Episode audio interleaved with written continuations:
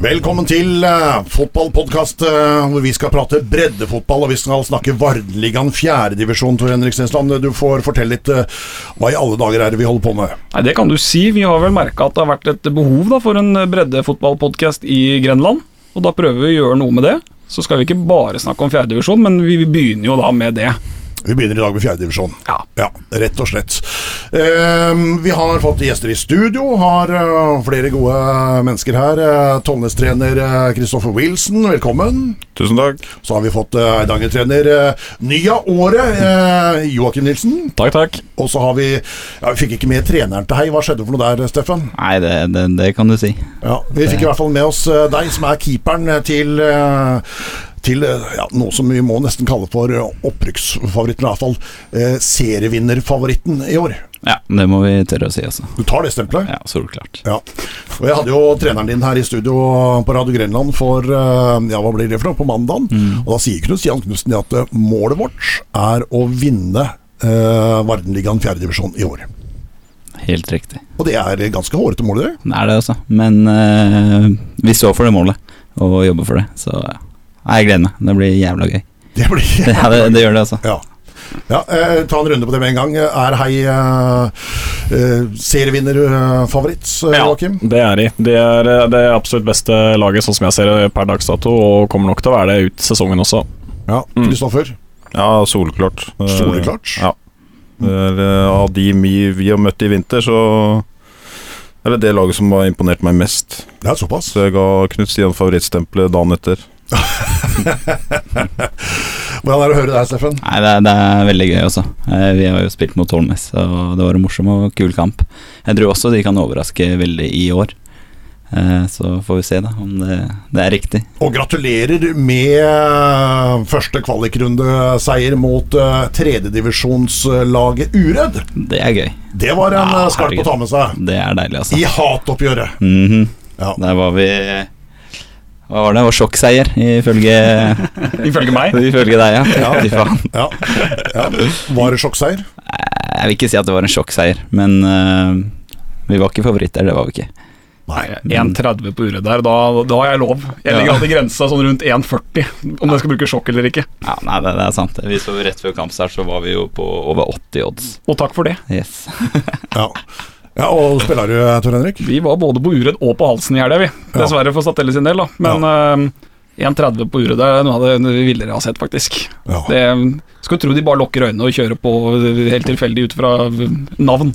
Ja. Mm. Jeg antar jo at Fredrik Nordkveld og Oliver Ocean drar ned den oddsen litt, da. Det er vel kanskje også, som vi kommer inn på litt seinere her, at Storm er satt til den prisen de har satt uh, i fjerdedivisjon. Men det kan vi jo komme inn på litt seinere. Det er et par navn der.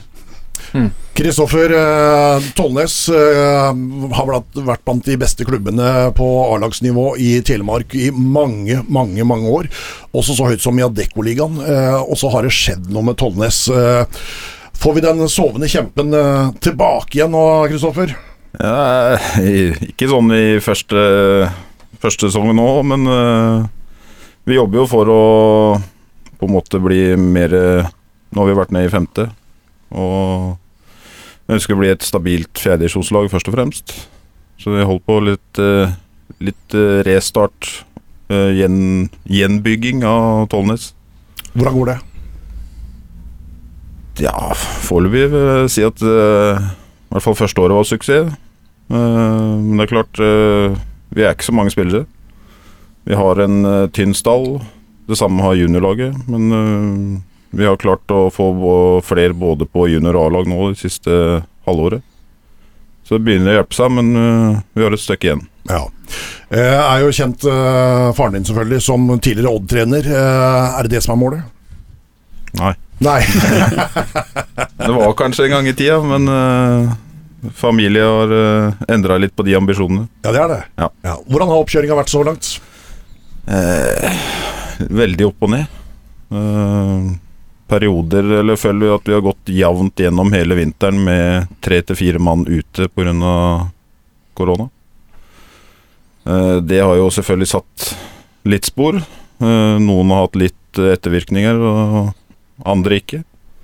Så i forhold til hvor jeg mener vi bør være, så er vi litt etter.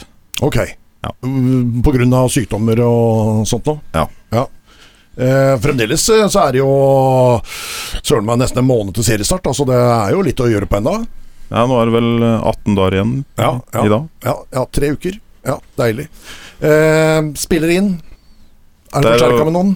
Ja, vi har fått inn en uh, veldig god forsterkning i Mathias Pedersen fra Porsch. Klassespiller. Ja. Sønnen til Erik Pedersen. Yes.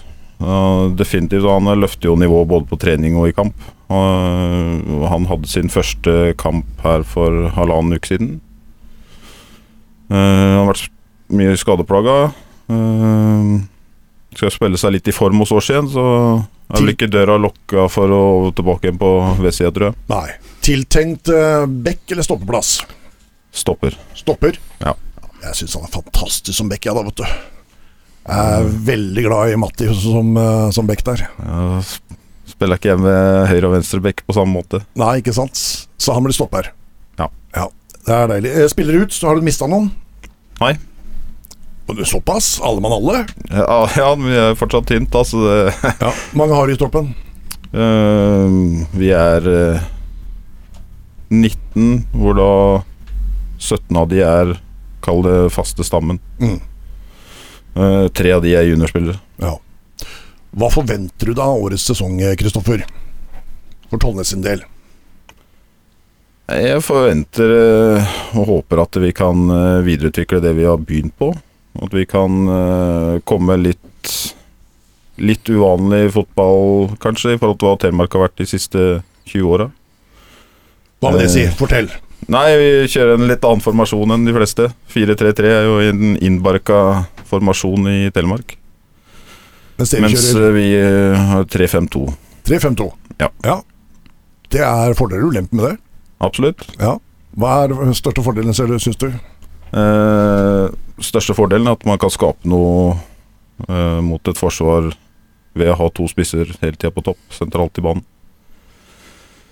Eh, ulempen er vel kanskje det at en fort blir overspilt bakover. Det er jo Men det er greit å ha Matti der. Ja, for eksempel. Ja, det hjelper, hjelper, hjelper det. Det hjelper veldig. Ja, jeg kan tenke meg det. Ja. Joakim, da. Ny i Eidanger. Eh, kommer rett fra suksess med Brevik, må vel lov å si det? Ja, jo da, det var, gikk, eh, gikk ganske bra, det, altså. Jeg var fornøyd med det. Så ny inn i Eidanger, nyopprykka. Ja. Så det blir eh, veldig spennende. Og det gikk jo rykter om alle mulige klubber omtrent i hele Grenland, bortsett fra Odd omtrent, at du skulle trene de her i vinter. Ja, det, var, det ble voldsomt etter hvert der. Altså, jeg vet ikke om det Jeg tar jo litt som kompliment, men det er vel også litt sånn eh, bilde på treningssituasjonen og utviklinga blant unge trenere her i eh, fylket også, da. Det, såpass uh, nøktern skal jeg jo være. Men eh, det var liksom For meg så blei det naturlig å velge Eidanger. Eh, jeg hadde en lang dialog med de også mens jeg var trener i Brevik. Det var jeg åpen med Brevik om at de har vært på banen der. Så når brikkene falt på plass, så var det det som liksom la ja, la de beste premissene for min del også, da. Mm. Eh, og hvor mange samtaler var du egentlig med andre klubber? Nei, det var jo eh, Det var jo eh, Eidanger og Brevik som, som var eh, de to alternativene mine i, i mitt hode, da. Og så kom det jo flere etter hvert. Det var jo mange Din, til, din tidligere klubb Hei? Ja, Hei var jo på i forhold til å være med i trenerteam sammen med Knut Stian. Eh, og så fant vi ut at det det var egentlig en spennende tanke, det òg, men eh, jeg var litt trigga på å være hovedtrener også, og fortsette det løpet der. Og så var Statelle på banen, med helt på tampen. Uh, vil jo gjerne ha meg inn der i forhold til at jeg kjenner mange av de litt eldre, rutinerte gutta der, og hatt i FK Grenland. Sammen med Truls, eller Sammen med? Truls, ja. Sammen med Truls, Mm. ja. Eh, og så var det en forespørsel fra Uredd som var med kvinnefotball. Uh, det var jo en henvendelse jeg ikke hadde forventa, men følte ikke det var helt riktig heller. Og så, så var det vel Og har jeg jo liksom med Tollnes og Wilson Vi har jo hatt litt prat eh, egentlig i noen år, vi også, eller sånn ja, under pandemien og sånt også. Og det også var jo på en måte oppe til vurdering, det òg. Men eh, det endte med Eidanger, som på en måte har vært eh, barndomsklubben min eh, noen år. da Jeg har jo vært i mange klubber eh, i min aktive karriere, men eh, jeg bor jo veldig i nærheten av banen og ja, føler litt tilhørighet der, da. Til syvende og sist er blod tjukkere enn vann. Ja, det vil jeg si. Egentlig. Ja. Ja. Så deilig. Så det, var, det kjennes ut som en riktig avgjørelse nå, så håper jeg det fortsetter å være det. Det må være fantastisk å være så ønska. ja, det var veldig smigrende, det. Altså, jeg skal ikke legge skjul på det. Det er moro. Ja. Um, og nå Eidanger i fjerdedivisjon. Mm. Hva tenker du? Jeg tenker jo at eh, vi står overfor en ganske sånn voksen utfordring, da, eh, i forhold til at Eidanger har vært uh, nede en stund. Uh, og har slitt både med rekruttering unnafra uh, og slitt med å liksom ha en god stamme der, da. Jeg var jo innom klubben uh, siste krampetrekning av, uh, av aktiv karriere i 2018, og da da var det så som så, på en måte. Det var mye bra individuelle spillere, men uh, det funka dårlig, da. Var du strekkongen, da, eller? Hæ? Var du strekkongen? Nei, jeg sleit med kneet, vet du. Ja. Så prøvde liksom å Men det var ikke det som hendte. Jeg tråkka over og røyk begge leddbånda i ankelen siste kamp mot Snøgg før sommeren der, så da sa jeg bare nå er det nok. Nå gidder jeg ikke mer. Krykker i noen uker, og kjøret gikk, og kjerringa hjemme var ikke så fornøyd, så Med unger og sånt. Så. Tvillingunger og hele pakka? Ja da, det er eh, hektisk hverdag, men eh, det er godt å ha fotball òg. Kobla litt. Ja. Mm. Eh, kommet inn da på Eidanger og har hatt gode resultater så langt i vinter. Det har vært eh, veldig, veldig bra. Det må vi tørre å si. Eh, vi må liksom gå inn i vi, går- inn i sesongen nå med selvtillit, samtidig som vi også er veldig nøkterne i forhold til at eh, et par av de lagene vi har møtt, har også mangla mange sentrale spillere i den fasen. Så, men vi har fått de på en måte signalene vi har ønska å få fra, fra trenerteamets side, fra spillergruppa. da og ting vi har jobba ganske sånn konsekvent med på trening, har eh, gitt resultater. Det er en veldig sånn lydhør eh, gruppe på Eidanger som eh, Og det, det, det, det tenker jeg er veldig bra, da. Og så har vi mange gode diskusjoner òg, så det, er moro. Mm. Hva slags fotball står du for, eh, Jokke? Nei, altså I utgangspunktet så er jeg jo ganske ballbesittende, da. Eh, og så har jo fotballen utvikla seg de siste åra, som gjør at eh, den La oss si den gamle Barcelona-bearbeidinga er jo på en måte litt død. Tenke tenker litt mer framoverretta nå. da. At det skal gå langs bakken, eh, men også i lufta, også for så vidt. Men at det skal være litt mer framoverretta. Leite etter riktig rom i, i, mellom linjene til de andre laga, på en måte. Sette opp rettvendte indreløpere og sånt. Det er vi opptatt av. Og så blir det en litt annen tilnærming nå, i og med at jeg har trent stort sett favoritter eh, tidligere. Kanskje litt minus Brevik, men eh, nå blir det nok litt mer at vi skal være godt defensivt eh, strukturert. da. Eh, og så har vi litt ekstremferdighet med mye tempo framme i banen, og en på midten spesielt som er vanvittig god, så da, da blir det nok litt å legge opp og lure folk litt i fella, da. Og ta dem når de er mest sårbare. Så vi har fokus på defensiv organisering og gjenvinning, og så kjører vi på på kontra, da. Og så blir det selvfølgelig å vurdere klima når man skal angripe og når man skal hvile med ballen i laget, som også er viktig, da. Eh, jeg har jo eh, sagt det til deg før, og vi sa det på radioen en gang også. Eh, det er to spillere eh, i hele verden som jeg har brukt eh, mest krefter på som trener opp igjennom. Eh, det er Mats Færseth, og det er Joakim Nilsen. Ja. Det er sånne spillere som eh, du må nødt til å, å sørge for at de har godt humør til enhver tid. Eh, og det er vel ingen som har ødelagt flere vannflasker i idrettslaget Hei sin historie enn hva Joakim Nilsen har gjort. Hvordan hadde det vært å være trener for deg, tenker du? Hvordan ville du likt å ha deg sjøl som, eh, som spiller? Nei, altså, jeg har jo blitt eh, litt mer voksen med åra, kan du si. da. Men det er klart at det, den, eh, det engasjementet som jeg har for fotball, det, den er der ennå. Og så har man på en måte lært å legge noen tøyler for det. Men jeg hadde, først og fremst hadde jeg nok vært eh, vært uh, Jeg hadde nok I perioder så har jeg tenkt at jeg hadde hata meg sjøl som trener, egentlig litt. da oh, det er såpass, ja. Uh, ja, fordi at jeg er jo blitt veldig mye mer opptatt av uh, ting som ikke jeg tenkte var så viktig når jeg spilte sjøl. Men sånn i forhold til det å løpe, liksom. Nå er jeg blitt en liksom, liksom hobbymosjonist i forhold til løping òg, men uh, ser jo mye mer verdien av å være fysisk godt trent nå enn det jeg gjorde den gangen. så det er jo én ting, i hvert fall på slutten av karrieren, hvor det å løpe etter en ball var helst det en skulle gjøre, og så vidt det òg. ja. Litt sånn Jan Mølby i Ja, midtsirkelen ja. eh, der. Ja. Var tung etter hvert der. Ja. Men eh, det Men så, samtidig så har jeg jo på en måte Jeg er jo vernepleier i, i bånn og bryr meg veldig mye om mennesker, da. Så jeg tenker at eh, sånn pedagogisk sett, og det å på en måte følge opp den individuelle spilleren, der, der håper jeg jo at jeg har litt å hente fra egen erfaring også, da, hvordan jeg sjøl syns det var ålreit å bli håndtert da når ting butta imot, for det gjorde jo støtt. Ja, jeg skulle ønske du hadde det huet du har nå, eh, Ja. når du var fotballspiller, Joakim. Det må jeg ærlig innrømme. Ja. Eh, spillere inn på forsterkerlaget ditt i Eidanger? Vi har fått inn uh, Pål Berntsen, som har vært i Borg nå, som jeg tidligere har trent både i FK og Stridsklev. da. Eh, en fantastisk god spiller på sitt beste, og så har han hatt noen år nå hvor han har vært plaga med, med, med kroppen. Eh, hatt en relativt dårlig sesong i Borg. Så det var jo noen som stussa at vi kanskje skulle ta inn han, men han kommer til å bli viktig for oss, da.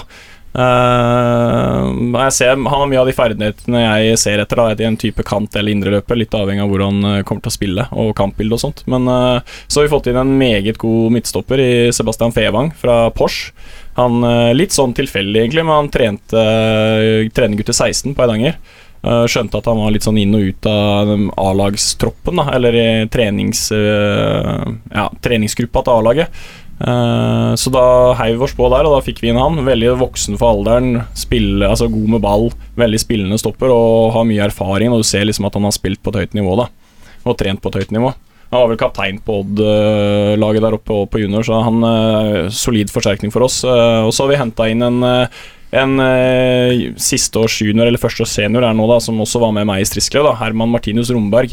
Han, er, han var 16 da jeg hadde i Strisklev, og jeg har sjelden sett kombinasjonen av å være bikkje, men også veldig god med ball, da, Oi. som han har. Og Han har tatt eh, gode steg nå i vinter, og så forventer jeg at han er liksom en av de som banker litt på døra etter hvert også, da, i forhold til å få spille på, fast på, på laget vårt også, da. En Gattusso med Messi-teknikk. Ja, han, altså, han, er, eh, han har bra teknikk, og så er han uh, tøff i duellene. Så han har liksom litt av begge leir, og så har han jo selvfølgelig ting å jobbe med, han også, men, uh, men uh, han syns jeg er veldig spennende. Og så har han en litt sånn dårlig jobbsituasjon som gjør at han ikke får nok kontinuitet i treninga per nå, men vi håper liksom at det bedrer seg litt framover, da. Men eh, det er de tre signeringene vi har gjort, og så jobber vi veldig hardt med en til, da, som er litt uh, Litt hysj-hysj ennå. Ok. Ja, en uh, backstopper som har spilt på et veldig bra nivå helt nylig, da. Er det sånn forsida PD-signering, Det det er ikke sånn at jeg skal gå ut i avis- avisa og si at det er den råeste signeringa i verden. eh, Det er ikke, men i Verdenligaen. Men, eh, men eh, det er en bra spiller for oss, da. Eh, Så vi jobber hardt med å, vi har jobba hardt med å forsterke oss bakover på banen også, for der har det vært litt tynt, da. Mm. Så det kan være den siste brikka for oss til å gjøre det enda mer solid, da. Hva forventer du av eh, sesongen 2022? Jeg forventer at vi holder plassen. eh, og så forventer jeg at vi kan At du holder plassen? Det er der du legger Ja. lista? Vi er nødt til å legge lista der. Jeg tenker at Når du er nyopprykka uten å ha gjort de største forsterkningene, har en uh, treningsgruppe som de fleste har variert Altså De fleste har variert bakgrunn, selvfølgelig, men det er, de, det er fåtallet som faktisk har spilt høyere enn fjerdedivisjon. Uh, og mange av de har ikke spilt i fjerdedivisjon. Så der er, liksom, der er liksom lista. Vi må legge oss på å holde oss. Det er eh, hovedmålet. Og så er det klart at eh, vi, vi kommer jo til å justere det opp hvis vi når eh, 17-18 poeng, som kanskje fort er snittet for å holde seg. da så, Men jeg har også trua på at vi kan eh, overraske en del lag også, da. Eh, så det blir veldig spennende å se. Eh, vi kommer jo tilbake til det seinere når vi skal snakke om tabellen, men jeg tror liksom sjiktet mellom tiende- og femteplass kanskje er egentlig mye mer åpen enn man tenker. da Mm. Og litt hvem som kommer i flyten og litt sånt fra start. Mm. Jeg tror du har helt rett i. Uh, så er det Steffen. Uh, ja, du har, du har, jeg har vært trener for deg og jeg. Du har det, I fryktelig mange år. Det var noen år, altså. Jeg har vel kjent deg siden du var 14 år, tenker jeg. Ja, det var jo da jeg debuterte for A-laget. Ja. Da, da var du på sidelinje og ga Stemmer meg instrukser. Ja, ikke sant? Det er uh, Vi snakker noen år i Heino. Mange år har det vært i hei. Det blir, blir vel fort 10-12 årene. Ja. Eh, så er det jo Og enda så er du ikke gammel gutt heller. Er ikke det, altså. 12 år på A-laget. Jeg fyller 27 i år. Ja, ikke så sant? jeg har noen gode år igjen. Som keeper vil jeg håpe. Ja, ja, ja. Er du gæren? 10-12 år igjen, da. Det, Men- i hvert fall. men dette var som at du skulle være spiss der en stund. Hva var det greiene for noe? Nei, det var egentlig litt uh, misfornøyelse. Eh, så Også da det, var- det var rett og slett en protest? Egentlig. Eh, litt dumt å kalle det en protest, men eh, det var lite motivasjon. Eh, vi spilte kamper for å spille fotball, egentlig. Det var ikke noe for å vinne eller gå for opprykk. Så da valgte jeg heller å ta en halv sesong utpå da, eh, og bli toppskårer i femte divisjon. Så det funka, det òg. Hvordan har det vært hatt Brede Halvorsen som trener? Brede stilte krav. Brede er av gamleskolen. Så han kommer inn, gir instrukser og går. Så det var en uh, spennende erfaring, det også. Mm. Uh, det var det. Ikke helt vant til den type tilnærming fra tidligere trenere. Så, men da har man vært igjennom det òg. Ja, vi er for snille, vi andre som har vært der, vet du. Eh, nå Knut Stian Knutsen, eh, som også var tilbake Ja, når var det Knut Stian var der, da? I eh, Hva kan det ha vært? 12-13-sesongen eller noe sånt nå? Du eh, Joakim? Ja, Knut har jeg hatt som trener, og jeg står fortsatt en dag i dag for en av de bedre trenerne jeg har hatt. Ja. Kan det stemme ca. 2013 Ja. eller eh, noe sånt nå? 2012-13, ja. Ja, Mm. ja, noe sånt. Stemmer. Hvordan eh, har Knut Stian eh, sklidd inn i spillergruppa og tatt, tatt laget? Nei, som Knut Stian sa i presentasjonen, at det der har vært eh, noe han har gledet seg til veldig mange år. Eh, det er en drøm for ham å kunne lede A-laget til Hei. Eh, han har jo vært eh, på Hei seks timer eh, Nei, seks dager i uka og fulgt opp døtrene sine og andre juniorlag.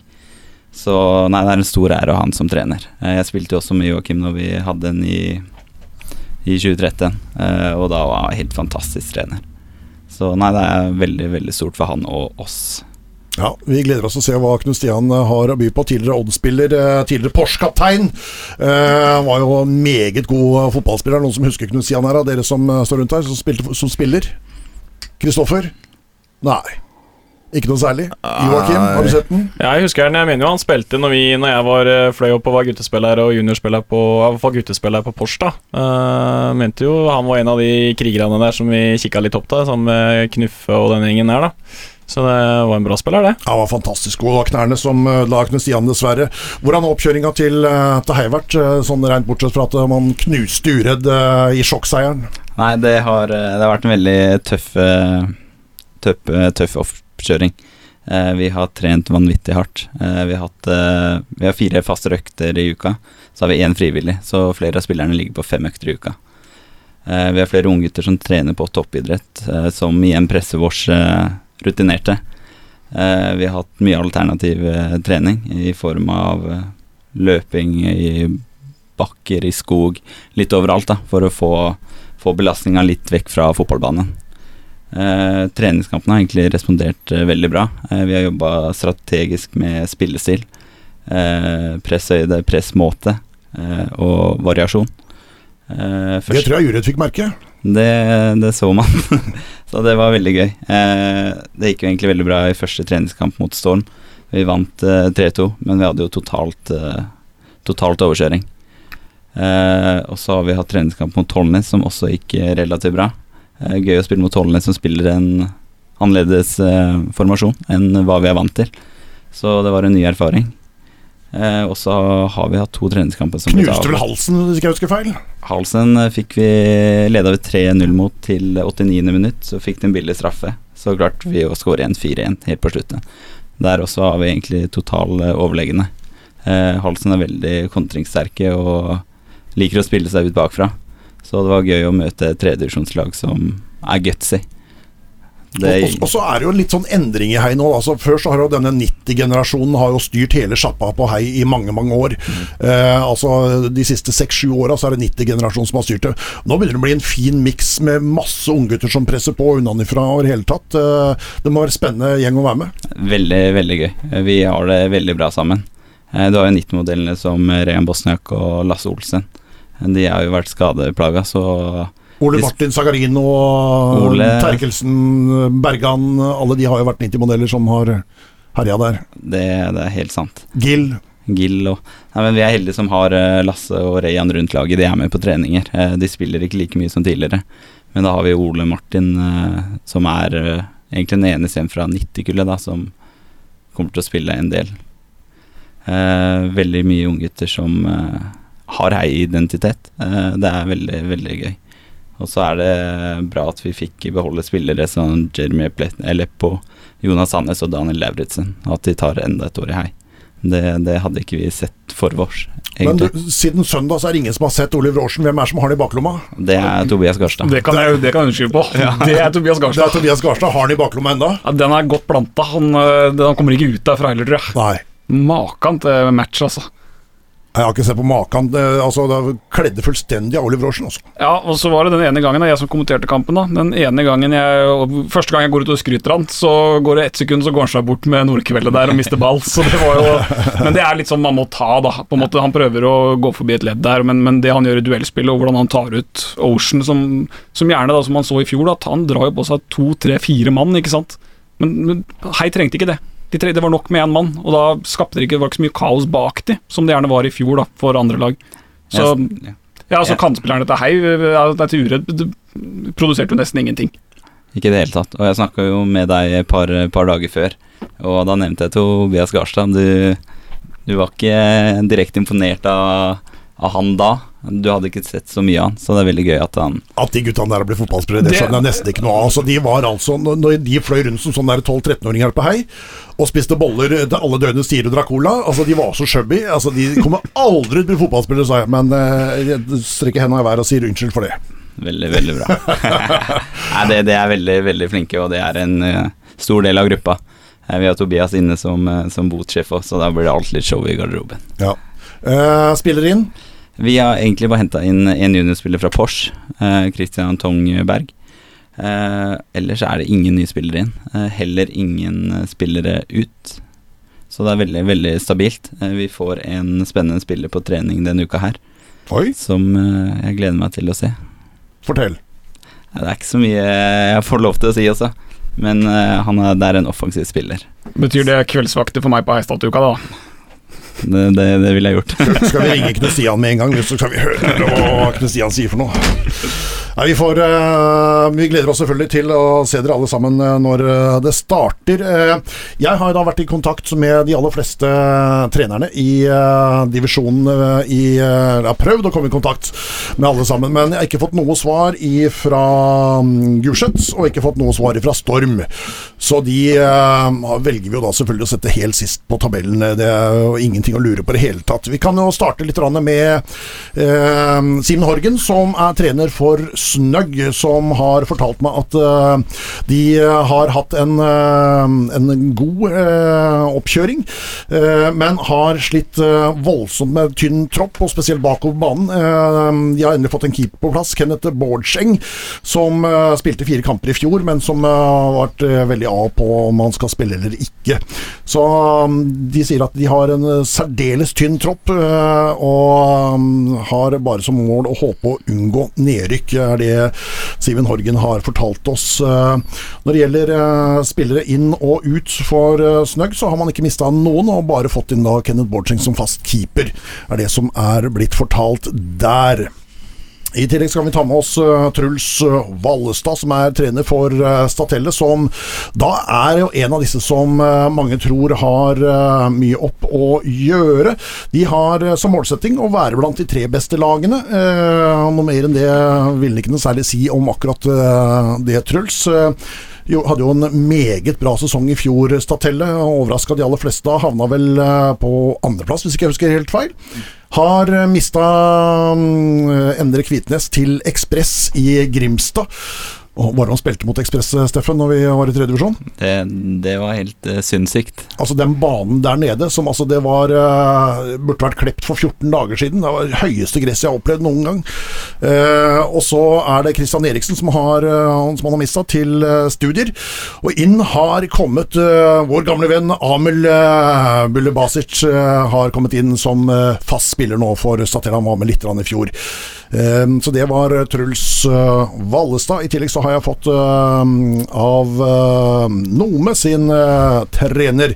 Det er Bernt Skipstad Ollestad, som er meget fornøyd med laget sitt, til tross for at man har mista Kokobai Edmund til uredd. I mine øyne et særdeles stort tap for Nome. Veldig. Han har vært god, det jeg har sett den i uredd eh, i treningskampene nå. Og en av de som kunne skape noe ut av intet da, på det, på det nummerlaget. Så stort, stort tap. Sondre Lundemo har gått fra Nome til Notodden, og Preben Natedal har gått til Gulset. Inn har Sven Braun fra Drangedal kommet, og så sier han at de jobber med tre-fire spillere til inn og har hatt en god oppkjøring, er det som uh, han forteller oss. Uh, så har vi uh, også da fått en prat med Skarpedin, som Der er det Alexander Sigurdsson Bernås som driver og jobber, og er fornøyd fornøyd med troppen. Har eh, kun én mann som eh, er på vei ut. Det er eh, student fra Horten, Nasrat Haidari, som da spilte nesten alle kampene i fjor. Men er ferdig med studier på i Bø nå, da, så han skal hjem igjen til Horten, er det vi har fått beskjed om der. Har tro på eget lag og forventer å være topp fire, eh, er det han eh, forteller oss. Ambisiøst, i hvert fall. Ja. Eh, så Snøgg de tror at de eh, skal De har som mål å berge plassen. Eh, Truls tror på tredjeplass på Statellet, og eh, tror eh, Bernås på fjerdeplass for Skarpedin, mens eh, Nome han tror at de havner midt på tabellen, ca. sjuendeplass. Så kan vi jo ta med her da at uh, hvis vi tar Snuggsy først, så tror de at Hei er soleklare vinnere i øh, år. Uh, har også sagt at det var det aller beste laget de møtte i fjor.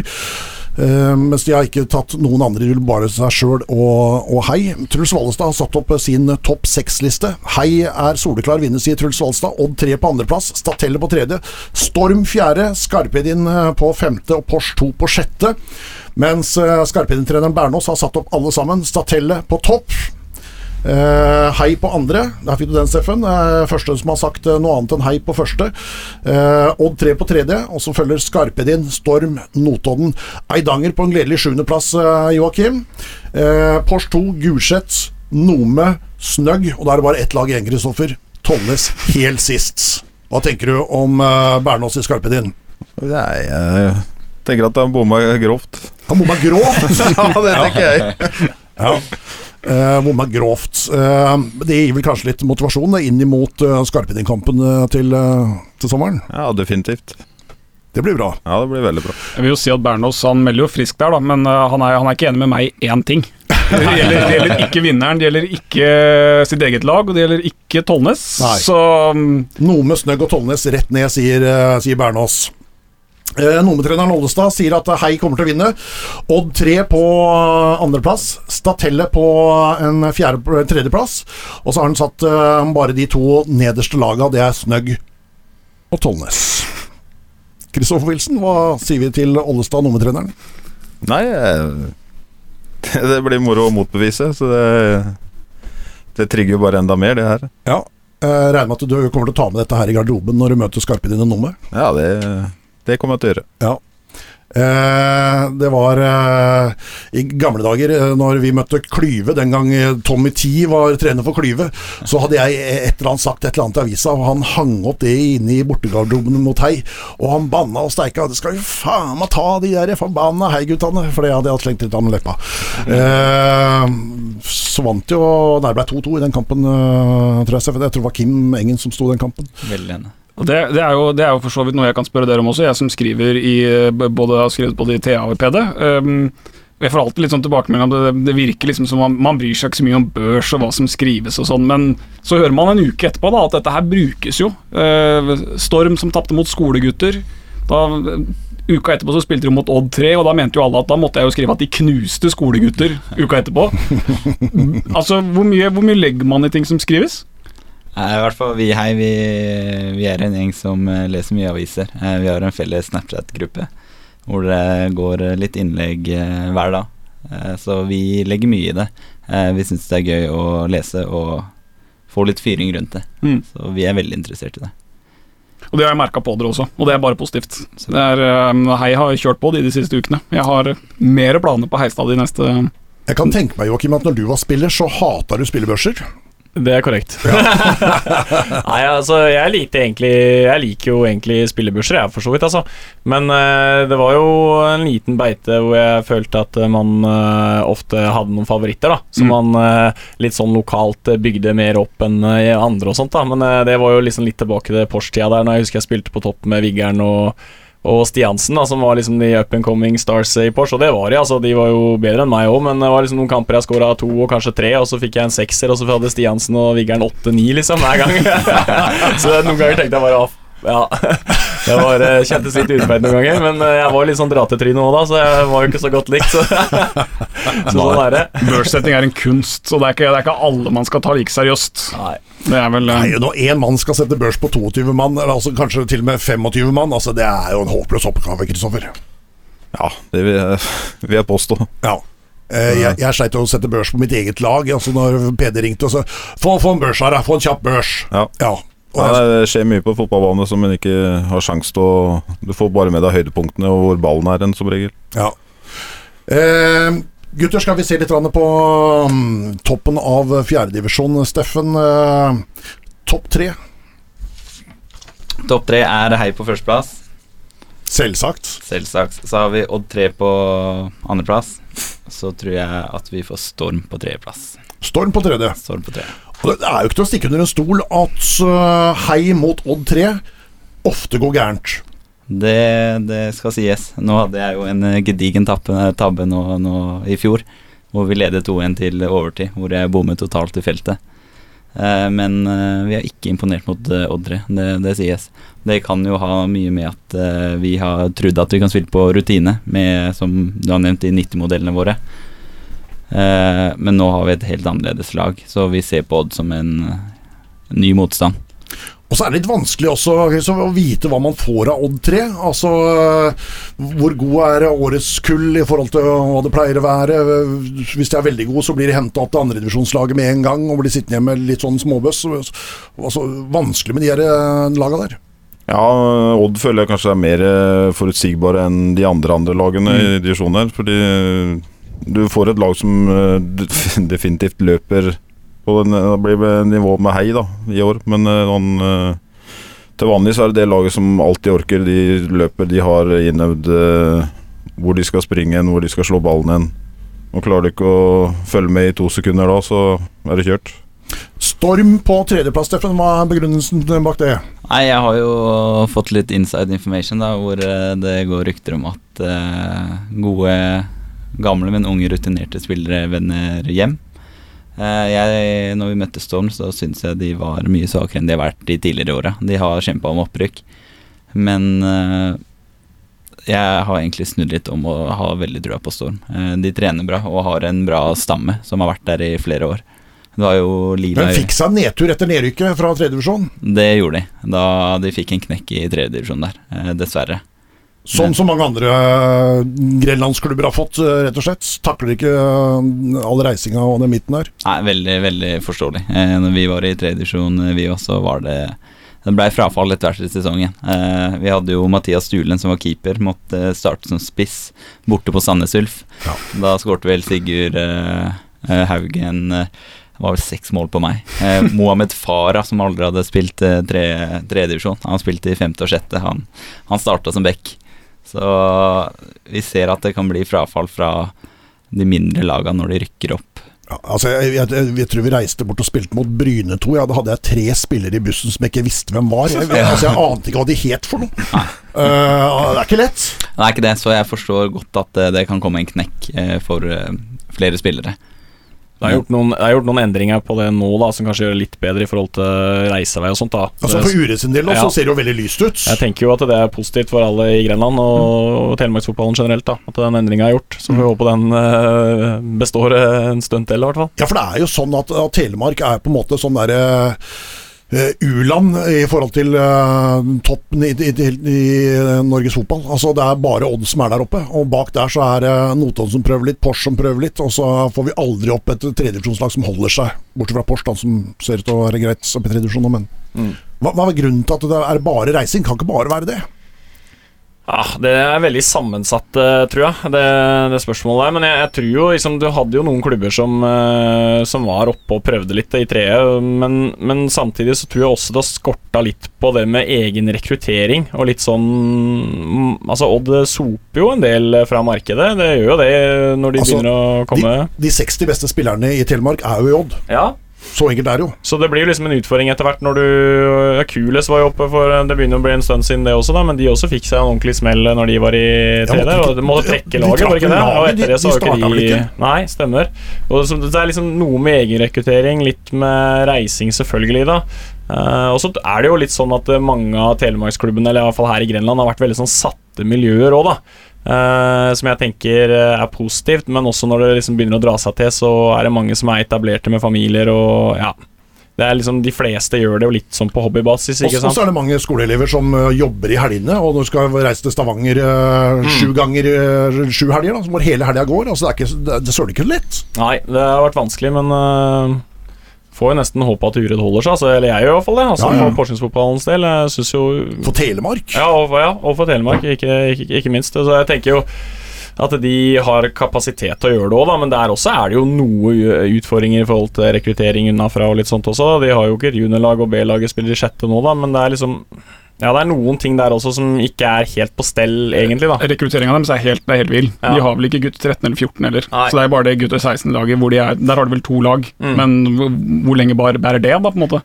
Nei, så det er jo derfor at jeg tenker at det, altså det har vært en eh, stor del av også grunnen til at mange har rakna litt etter hvert også. Da. Når eh, erfarne spillere eh, ikke orker å reise til Bryne, så må de hente unnafra, og så har de ikke noen derfra heller, så må de ta noen fra B-lag og litt sånt, og da blir det rot, vet du, når du skal opp i tre.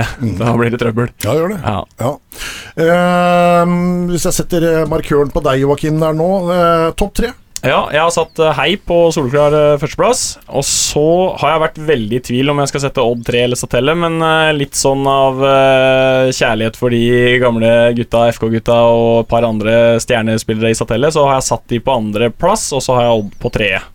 Uh, og Det går nok litt mer på erfaring og hva som egentlig bor i Statelle. Når de først klarer å ha alle friske, så, så har jo de på en måte klassespillere i hvert ledd som egentlig kunne spilt litt høyere hvis de hadde giddet. Så det er litt med det, da. Og så tenker jeg at Odd 3 er en klubb som skal være topp tre, helst i den divisjonen her uansett. Mm. Ja, så glemte jeg eh, på satellista. Uh, Mikkel Solli har også kommet inn. eh, der var jo klassespiller på Hei når han var eh, guttunge, eh, Steffen. Det var helt eh, vanvittig å se Mikkel. Han var jo Han og Markus Kaasa sammen der. De var jo linka til, til eliteserieklubber eh, begge to på den tida òg. Ja. Så Ja, og alle tre, hvis du tar med Truls Jacobsen også, som er samme årskullet. det var helt, helt uh, vanvittig. Så det var gøy å se Mikkel Motalsen også. Uh, han uh, mangla litt fotball i beina, så det ut som, og litt, uh, litt kamptrening, så kommer han. Ja, Vi må nok gi han et par-tre måneder, i hvert fall to måneder. Ja. Det var rustent, men det var jo for hele, hele Statelle-laget, egentlig. Det var Mm. tungt. De har jo hatt mye skadeutfordringer da, på sentrale spillere. Bukta har vært uh, skada lenge nå. Færseth har vært selvfølgelig, som han alltid pleier å være, til og fra. Skal være helt, helt til sesongen starter. ja, der, der er han god. Og så Victor, Og så da, siste Victor, ikke minst. ikke sant? Og så har du også Bjørn Naustdal, som eh, de fikk litt i gang igjen eh, og spilte stoppe bak der. Han er jo vanvittig god fotballspiller og fotballklok og god med beina og alt dette her. Så han eh, hørte jeg kanskje var ute veldig lenge. Ja, jeg, jeg, jeg så han spille padeltennis her om dagen, så jeg vet ikke hvor den skaden ligger. Men han, han var er- jækla god i padel! Ja, ja. Jeg har spilt noen runder med han, og det er bare drit i. Altså. Han og Kim Benson feide over Rikard Arntzen der. Det var, eh, det var, det var høyt nivå, for å si Det mildt. Ja, I hvert fall på Bjørn. Ja. Kim er, Kim er god, han òg, for all del. Det er, det er fint å snakke om Kim i fjerde divisjon òg, det er hyggelig.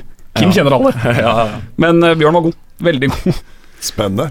Kristoffer Christopher Wilson, topp tre. Da har vi også, som eh, 95% av resten her, eh, hei på topp. Eh, Odd 3 på andre. Og så har vi Statelle på tredje. Ok.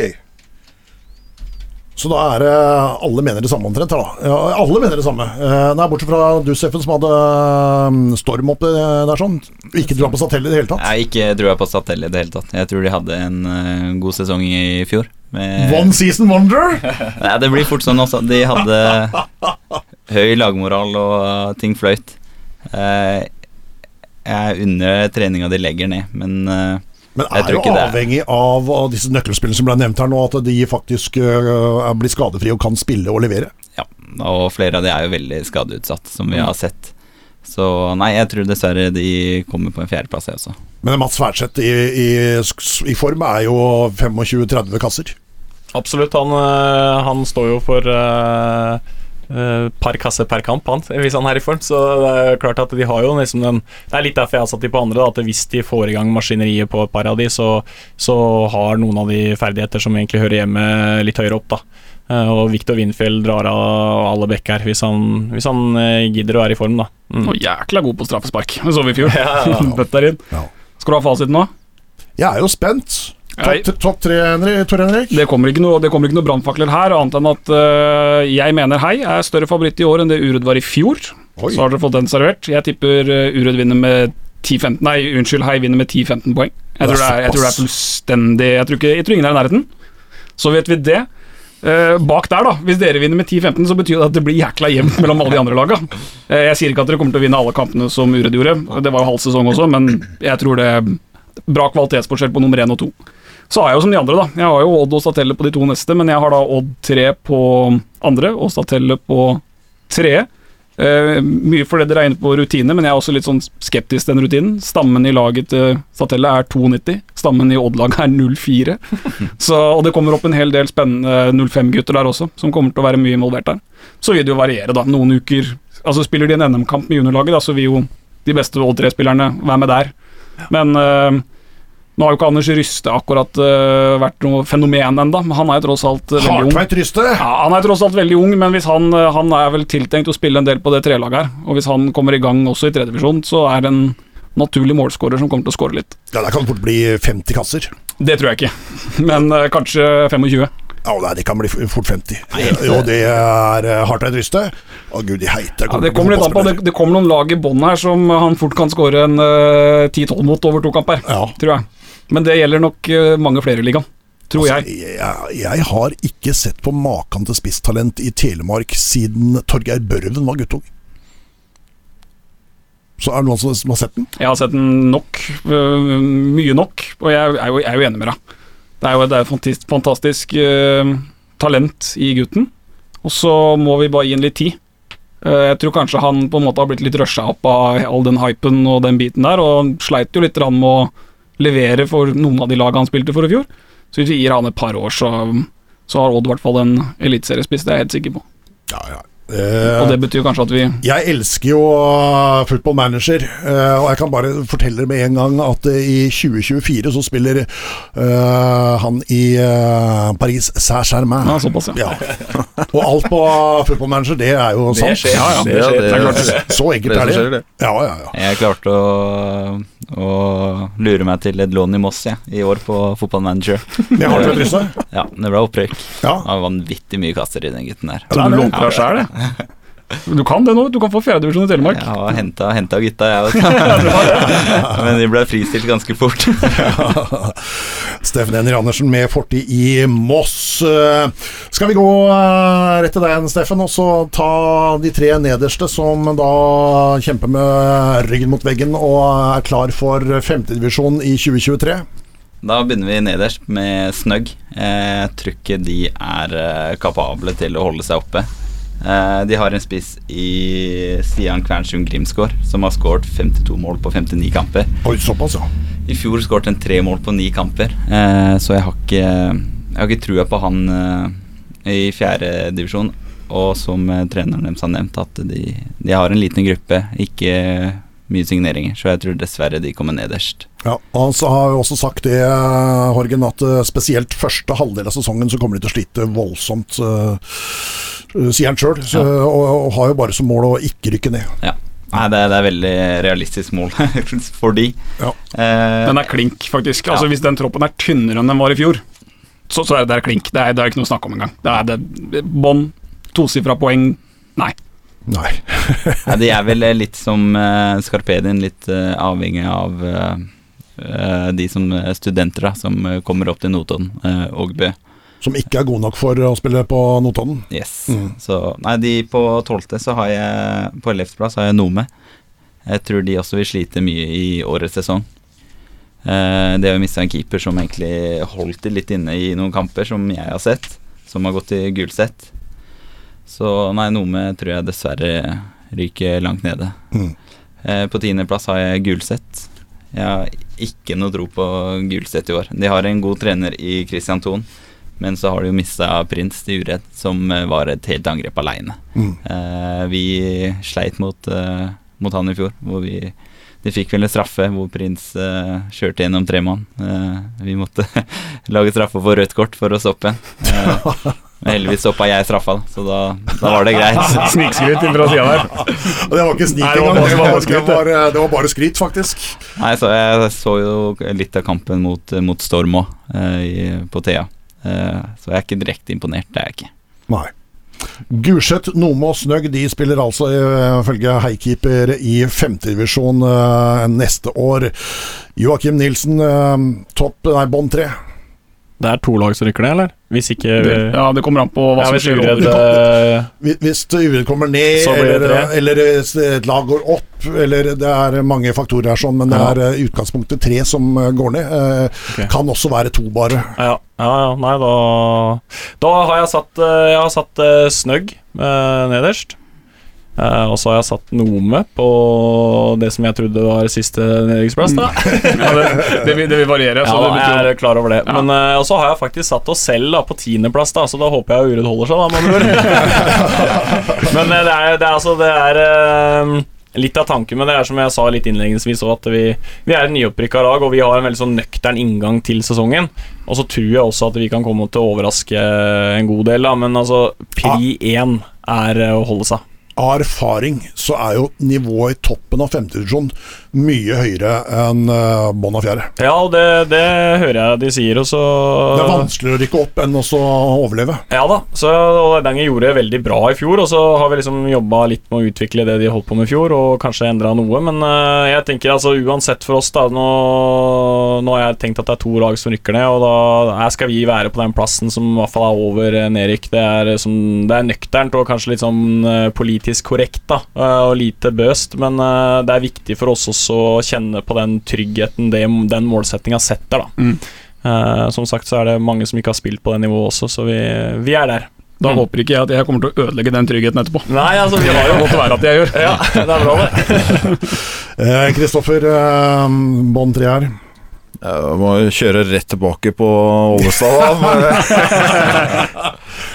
Jeg tipper Noe med sist. Ja. Eh, Snøgg da på ellevte. Du vil ikke ha Skarpet inn der, altså, siden han også slang litt Nei da, der, sånn, så da. Og så har jeg Nå må jeg bare se på lappen her. Eh, Notodden 2 på tiendeplass. Notodden 2. Du bare tar med deg halve uh, Midt-Telemark. Telemark der, ja. Får dem det. Får, får vekk. Ja, får vår bort. Trikkeserie. Hører jo ikke noe om det heller. Det er umulig å få noe informasjon på hva som, alt som skjer der oppe. Det er jo ingen som vet hva som foregår der oppe, syns jeg. Nome hadde vel ikke treneren sin på fotball.no engang, tror jeg. Så jeg, jeg hadde en litt av en jobb her om dagen. Skulle prøve å finne ut hva som skjedde der oppe. Ja. Uh, Ollestad, du må komme deg inn på fotball.no og få inn navnet ditt der. Uh, grunner til at du setter Notodden 2, Snøgg og Nome nederst? Er litt basert på tabellen i fjor, egentlig. Og så Notodden 2 tror jeg bare stiller det de må for å kunne beholde laget sitt i fjerde. Ja, De må jo bruke alle midler for å nær sagt beholde plassen sin eh, der de er, opp på A-laget. Så jeg tror ikke du får så veldig mye mer av B-laget. Jeg tror du er inne på noe der sånn. Eh, Tor Henrik, hva har du på de tre siste? Nei, Jeg er jo helt enig med, med keeperen til venstre for meg, da. Jeg har uh, Snøgg helt sist, så har jeg Nome. Uh, litt sånn skeptisk til uh, rekrutteringa deres. Med mista en eh, to-tre spillere der, annet Natedal da, til Gulset. Og så har de erstatta de med tre-fire juniorspillere som visstnok skal være gode. Det er jo vanskelig å si. Det er jo ikke Skal jeg innrømme at jeg ser ikke veldig mye juniorfotball i, i det området. Så ærlig må vi være, og det er jo også litt av Disse laga her er på en måte også ganske ukjente, så man må jo ta det litt for det man så i fjor, og ta det litt fra hva man hører i, i kretsen rundt der oppe. Uh, jeg kan ikke gi deg masse inside information om Nome og hvordan de spiller. Uh, så har jeg samme også, jeg har Gulset på tiendeplass, og tror det ender med å bli en nedrykksplass. Nei, det gjør jeg ikke. Beklager, det gjør jeg ikke. Så Gulset holder seg, men de kommer på tiendeplass. Ja. Uh, Prince, som du nevner, og så hører man jo litt snakk om at det er litt murring. De sliter litt i uredd med rekruttering. De mister vel et nytt juniorlag nå, uh, av hva jeg hørte sist. Så det er litt um, Jeg mener det, hvis ikke jeg tar helt feil om det var junior eller gutte 16. Um, det kan jeg dobbeltsjekke etterpå.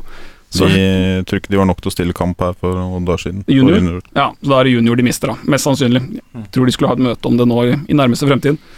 Så er det et par av de stjernespillerne der som er litt usikre, og det er jo Det er jo litt ungt der, men jeg, jeg vet ikke. Det, jeg så også den kampen mot Storm når jeg kom hjem igjen fra, fra Heistad. Det, det imponerte meg ikke i det hele tatt. Så er det, vi er jo tross alt tre uker unna seriestarter, da. Så det kan jo skje litt, men nei.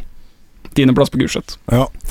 Uh, Tor Henrik, du kan jo få lov til å Du som er journalisten og den gravende her, og som eh, skal vite aller mest her om disse lagene, her, sånn, eh, gå gjennom hele tabelltipset ditt. da Hele tabelltipset mitt. Ja. Da har vi fått 1, 2, 3.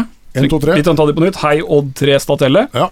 Og så må jeg først og fremst si uh, Det første poenget er at jeg tror uh, ligaen generelt Jeg tror laga som rykka ned, er mye dårligere enn laga som rykka opp. Så jeg tror det er høyere nivå gjennomsnittlig. Men så tror jeg det er lavere nivå akkurat i toppen, hvis det gir mening. Mm. Ja. For Hei er ganske suverene. Eh, og så tror jeg det er eh, fjerdeplass til åttende-niendeplass tror jeg du bare kunne lukket øynene og nesten kaste deg i på tabellen. Det er eh, to andre lag der som det er vanskelig å si med. Men jeg, jeg har plassert Joakim Aidanger på fjerde, ja da. Oi, såpass. Uh, ja, Hvorfor? Nei, det kan du si. Jeg har jo nummer én, da, så uten å ha snakka med Joakim om det, så har jeg hørt veldig mye positivt om han, da. Og så tror jeg at den her litt sånn defensive stilen kan frustrere veldig mange av de laga i fjerdedivisjon. På en helt annen måte enn enn eh, å skulle spille fritt hvis man ikke på en måte er som Hei, da, som er helt god nok til det, på en måte. Så tror jeg det er lettere å karre med seg poeng og vinne disse sekspoengskampene med å ha litt mer eh, struktur i det man driver med. Og så er det, det Joakim, da. Jeg hører det er masse ny giv der oppe. Jeg har snakka med masse folk rundt klubben, da. Som alle har ekstremt trua. Og, Og, og også, resultatene i oppkjøringa. ikke minst, men jeg legger ikke så mye vekt på den oppkjøringa pga. korona og alt som har skjedd. Vi vet jo ikke helt hvem som spiller hva, og hvem som mangler hvem. Ja, men det, dette kan jo fortsette til, til neste oppkjøring. Det kan sikkert fortsette i ti oppkjøringer til. Så um, nå er det koronalivet, og det må vi leve etter. Og så får vi bare se. Jeg er ganske sikker på at uh, Eidanger ikke kommer på tiendeplass, i hvert fall. Men at de havner i denne her, eh, hva skal man si, denne bunchen i midten, da, hvor det kan skje litt. Mm. Eh, og det er jo den ene brannfakkelen jeg snakker om. Den eh, Vil du kommentere, Joakim, en gang? Nei, det er, jo, det er jo hyggelig, og så er det litt uventa òg, for å være ærlig. Men eh, jeg tenker at eh, som Jeg sa jo det litt innledningsvis òg, at jeg tror det er mange lag som er jevne. Og så er liksom vi har et nøkternt mål om å holde oss, og så kan veldig mye skje underveis, da.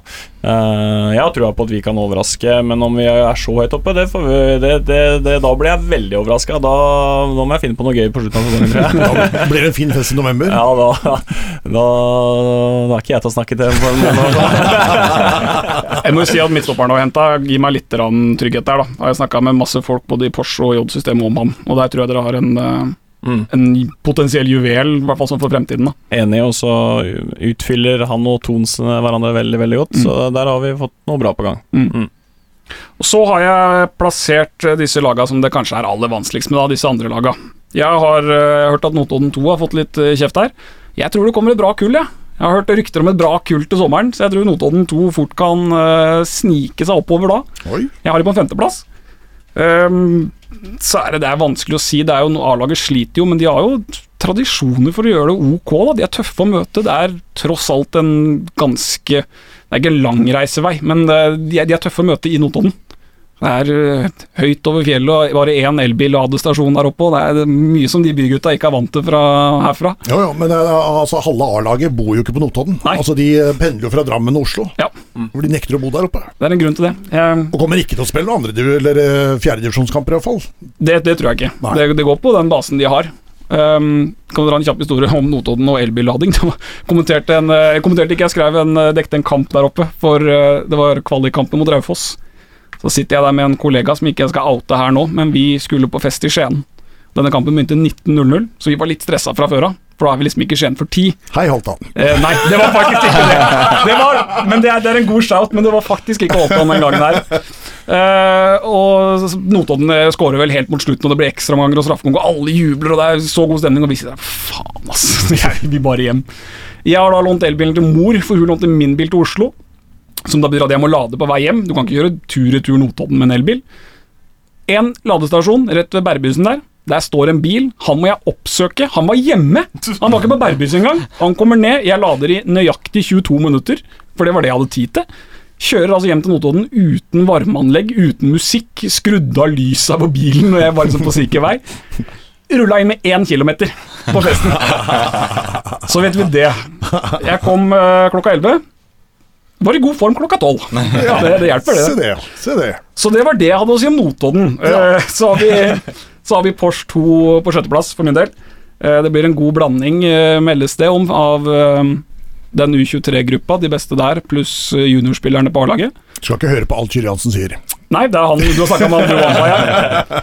Så vil jeg tippe at eh, det kommer til å bli noen minutter for Noah Kojo her, som sikkert kommer til å kose seg godt på det nivået her. Han har fått en hel vinter nå med, med A-lagstreninga til Bosch, og det har jo vært godt nivå på treninga der, selv om treningskampene deres har vært ganske så som så.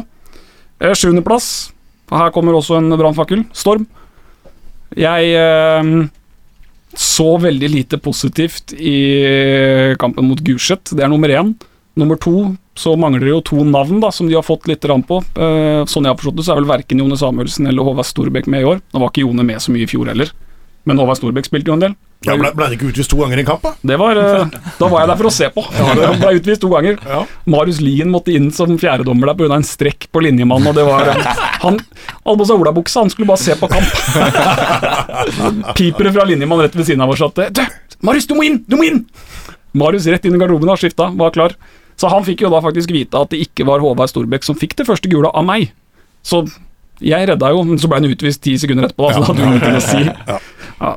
Uh, nei, Storm, uh, det er litt spennende det du sier med litt gamle gutter på veien. Da. Da, da kan det være at jeg må snu og droppe de over begge disse to andre laga, i hvert fall. Kanskje Eidanger til og med også, men det de har per i dag, da, syns jeg ikke er godt nok. Det er, um, det er spillere der som, som er i nøkkelroller, og hvis det er nøkkelspillerne mine, så hadde jeg vært litt stressa. Um, uten å si noe mer om det. Uh, Åttendeplass. Mannen til venstre for meg. Tollnes. Jeg er eh, såpass på Pedersen-hypen ja, at eh, jeg tror det holder til en åttendeplass. Så tror jeg Hvis Matti da plutselig går til sommeren eh, tilbake til Porsche Da tror jeg de har sikra seg nok poeng til å hvert fall holde seg. Så at man da kommer rundt den åttende-niende i det sjiktet der ja, Så Tor Henrik tror dere vinner alle kamper fram til sommeren, Kristoffer, så vet du det. Så fritt fall fra sommeren. Én én mann, altså. første gang jeg dekte Kristoffer kamp- var Skiens Grane mot uh, Tollnes. Lå under 3-0 etter Det kan ikke ha vært mye mer enn et kvarter. Og da står han på sidelinja her, så bytter han bare ut fire mann. Det var, må ha vært etter 20 minutter, 22 minutter eller noe sånt. Fire mann rett ut. Snudd kampen til pause, eller? 3-3 til pause, eller noe sånt. Vant 5-4, 5-3, 5-4. Så han veit hva han driver med. Eller så var det flaks. Gode spillere på benken. Nå har han uh, bare gutta fra Bø, Skarpedin, som uh, skal inn på, på niende. Ja, jeg har ikke så trua på uh, laget til Bernås. Jeg, jeg syns Skarpedin er et av de vanskeligere lagene å plassere. Det skal sies. De kan godt sikkert komme et par plasser høyere også. Um, alltid vanskelig møte, men jeg syns det, har- det har vært litt nedadgående kurve der de siste åra. Virker ikke som om kullet deres og De er jo også avhengig av Bø-studenter, da, for å få det til å gå rundt. Og, nei, jeg vet ikke. Jeg er spent, men jeg, jeg tror de skal forvente seg en uh, en litt rolig sesong. Jeg tror ikke det blir fjerdeplass, i hvert fall. Det syns jeg var litt voldsomt. Ja. Nå har jeg Bernås med på Skype her, så kan du svare. Jeg noen diskusjoner med han på Twitter òg, så det er bare å komme med det. ja. Uh, Steffen, hvor har du plassert Eidangeren? Eidangeren? Eidanger er plassert på en eh, syvendeplass. Jeg tror det blir et uh, lag som kan overraske mange. Uh, jeg har jo vært borti Joakim eh, mange, mange år. Vi har kjørt sammen til eh, trening. Jeg veit hva han står for. Eh, han har ekstrem lidenskap. Gutta Eh, på Strisklev, vet du, kjørte sammen. vi kjørte sammen. Eh, men uh, Og så har jeg jo snakka med flere spillere på Eidanger, og de har trent godt. Uh, de har hatt gode treninger. Eh, signert gode spillere. Eh, så jeg tror det er veldig, veldig sannsynlig at de kommer midt på tabellen. Har du noen gladmelding til Kristoffer Wilson her og Tollnes også? Tollnes er faktisk satt på en eh, femteplass. Oi, se der, du. Jeg har eh, jeg er veldig fascinert av uh, fotball en Tollnes spiller. Jeg har også vært borti Wilson tidligere, når han har trent, uh, trent Storm. Uh, kan fotball. Eh, som sagt, jeg er også veldig fan av Mathias Pedersen. Han er en, eh, rett og slett en idiot på banen, men eh, det, det fyrer mange av lagkameratene og motstanderne. Eh, så jeg tror Tolmes kan overraske i år.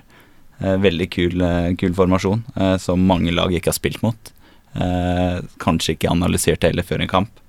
Så det tror jeg kan overraske. Det er ikke alle som har råd til analyserommet dere har på Eistad, vet du. Nei. Nei. Eh, skal vi prate om, eh, om den? Det er, det er mye dugnadsarbeid også. Ja. Eh, Det er det.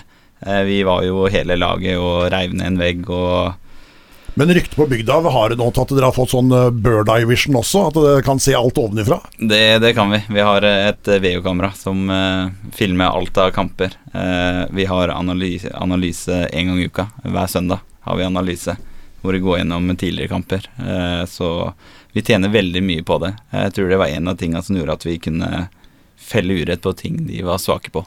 Knut Stian Porcetino, vet du. Han uh, ordner får ting på plass der sånn. Er fantastisk. Uh, Joakim, hvor har du satt uh, Tollnesen? De har jeg satt på en eh, åttendeplass. Fader, at det er så god stemning mellom de som er her, da. Vi skulle jo gjerne Ja. hatt liksom folk som meldte hverandre litt ned og sånn. ja. ja, jeg er litt enig i det Ja. men uh, jeg tror jo Steffen er inne på mye av det som eh, Som eh, mange kommer til å slite med med Tollnes, da. Eh, 3-5-2. Eh, jeg spilte jo mot Tollnes med Brevik også, eh, og mm, fant ikke ut av de gutta der. Eh, nå hadde de gjort noen endringer i tillegg, så jeg ble litt overraska over en eh, ekstra brei tremidtstopper og litt sånne ting som eh, jeg tenker at man, Er man forberedt på det, så kan man straffe 3-5-2-lag veldig hardt. Hei, jeg har vel filma alle kampene til Tollnes òg, så de vet vel Ja, ja. Så, men jeg tenker at de kommer til å overraske mange med spillestil, og så har de et par spillere som, som er veldig bra, da. Også han Romsdalen som får lov å bevege seg litt fritt her, det blir vanskelig å få hak på og sånt, så det, jeg tror det blir en bra sesong for Tollnes. Kristoffer, da? Hvor har du satt uh, gutta, til, gutta til uh, Joakim? Gutta til Joakim er satt på sjette. På en sjetteplass, så er det Joakim. Ja, nei, det er uh vi får nå se, da. Ja, men de kommer, de kommer inn med en uh, litt annen mentalitet på Vi har prata mye med Joakim, eh, egentlig i hvert fall nå gjennom vinteren spesielt, og litt i høst. Eh, Jeg tror han kommer inn med noe som eh, mange lag mangler. eh, Som har blitt en mangelvare, egentlig, hos mange fotballag i forhold til måte å ha litt mer eh, Altså, det er mer framoverretta, det er mer trøkk i det de driver med. Det er eh, sikker egen boks. Vil du si at det skal være direkte? Er det lov til å si? Men vi skal vurdere klima. Mm. Ja, sånn at vi er helt avhengig av at det ikke blir Hawaii heller. Mm. Da må vi være enda bedre trent enn det vi er. Men uh, vi må også klare å tore å holde på ballen, da. Mm. Det er jo den der ene poteta vi har her, egentlig. Det er at s- Eidanger-treneren er den eneste som ikke har trua på Eidanger her. Det er spesielt. Ja, nei altså Jeg har veldig trua på det vi holder på med på Tveten. Det, det, la det ikke være noe tvil om det. Men eh, det er nok for å være litt sånn Vi har liksom eh, lyst til å slå litt unna fra. Vi har lyst til å overraske litt, og det er klart at det, når vi vinner alle treningskamper, så skal man ikke legge så mye ned. så blir kanskje det overraskelsesmomentet litt borte. Men eh, som sagt, da. eh, veldig åpent om eh, de laga fra fjerde-femte og nedover, så vi får se. Men eh, vi, vi, vi må bare være tro mot det vi driver med, og så skal vi se hvor langt det drar oss. Femte, åttende, sjette Nei, fjerde, øh, åttende, sjette. Eh, og så hadde Bernås hadde det på sjuende. Eh, og de andre her hadde ikke meldt det. Eh, Så kan jeg si at jeg har det på femte. Ja, jeg, jeg håper at dere får rett mer rett enn meg, da. Kommer til å sveve, kom til å sveve ut av døra her, du. Ja, nei. Ja. Jeg syns det var litt ekkelt, jeg, da, for jeg hadde håpa liksom at eh, Jeg har jo hørt mange klubber si at vi kommer til å overraske, og så har jeg hørt også veldig mange som sier at de, vi kommer til å få slite, da. Så ja. Litt sånn eh, midt på treet er jo kanonbra for oss. Altså, Eidangers beste plassering mener jeg var en eh, niendeplass, i- eller åttendeplass. Så hvis vi får til å slå den, så skal vi være veldig happy. Det er jo ikke så mange år siden, Jon, litt der, eh, som PD Hausa El Clásico mellom Eidanger og, og Hei. Eh, spilte dere kamp, gutter? Eh, Ja, jeg måtte sone for gule kort, i hvert fall. Du spilte den ikke? Jeg spilte den ikke. Spilte du den? Nei, jeg var, i, jeg var i FK Grenland på den Ja, tida. ok. Mm. Eh, som, som det ble i Hausa, og det var altså da var det 700-800 mennesker som var og kikka på Eidanger mot, uh, mot Hei den gangen. Uh, det hjelper å hause litt. Ja, det gjør det, og jeg håper jo vi kan liksom få til noe av det samme, da. Så Eller iallfall at det kommer en del folk på de matchene våre på Tveten, og spesielt mot Hei og et par av de andre laga der. Så Det er jo kjempegøy når det blir litt trøkk rundt og ramme rundt matchene. Det er ikke for mye TV-dekning nå, altså? At det, folk blir velger å sitte hjemme i sofaen og så ser det rett på Nei, jeg håper jo ikke det, da. Nei. Nei, jeg håper jeg synes, jeg, jeg synes Det er jo veldig varierende kvalitet på de der direkte nei, nei, nei, nei, nei, nei. Ikke nødvendigvis kommentatorene, Takk, men eh, kamera, kamera, kameramann eller vinkel eller hva pokker det er. Det Det, sånn. det varierer veldig om eh, den faste kameramannen er med eller ikke. Ja. Hvis han er med, så er det som regel ganske bra. Det var bra mot Heia Uredd. Det, da var kameramannen på plass. Ja. Han, skal si, han kom et kvarter før kampen begynte, for han hadde uh, streama Hekken Odd Nå må, ikke, nå må ikke du snakke opp TV, da. Nå prøver jeg å snakke deg ned. ikke sant? Ja, nei, jeg er jo, jeg er jo en øh,